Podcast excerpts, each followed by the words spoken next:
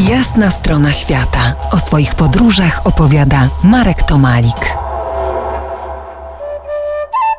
Dziś opowiem o kolejnej ginącej społeczności Indian, tym razem w Ameryce Południowej, w Amazonii. Nazywają się Shipibo i zasiedlają brzegi słynnej rzeki Ucayali w Peru.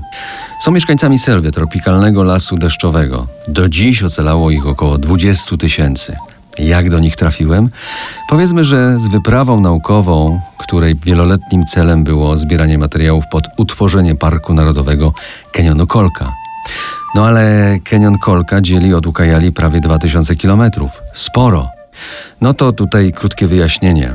Otóż kilkanaście dni wcześniej, zanim trafiłem na Dukajali, towarzyszyłem profesorowi Rynowi, który zbierał materiały do pracy naukowej o medycynie indyjskiej. Były to wywiady z kuranderos, uzdrawiaczami i szamanami, których praktyki usankcjonowane prawem pozostają na styku medycyny i ziołolecznictwa i magii.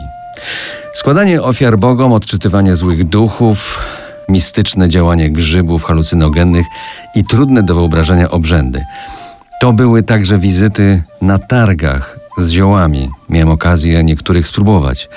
Za jednego sola, czyli za złotówkę, dostałem przyschnięte lekko kwiatuszki, które zalane wrzątkiem dały cierpki napar.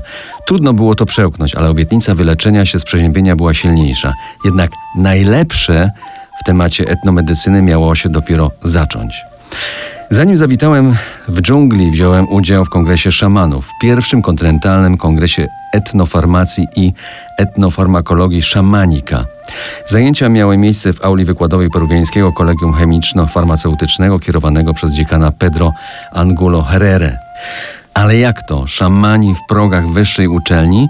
Te dwa światy się spotykają?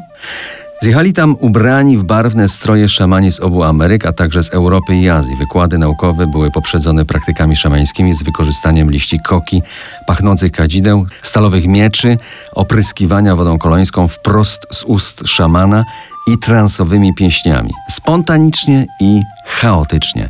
Można było kupić dziesiątki amuletów z zębami kajmana i krokodyla włącznie, mielone liście koki, czekoladki z nadzieniem liści koki i inne ciekawe specyfiki. Profesor Ryn wygłosił wykład na temat rzucia liści koka kulturach andyjskich z perspektywy antropologicznej i medycznej. To tutaj poznaliśmy Indian Shipibo z Nadukajali, a ja po trzech dniach uważnych obserwacji i uczestnictwa w kongresie dostałem dyplom asystenta szamana. Prawdziwa przygoda z szamanem miała się dopiero zacząć. Opowiem o tym za kilkanaście minut. To jest jasna strona świata w RMS Classic.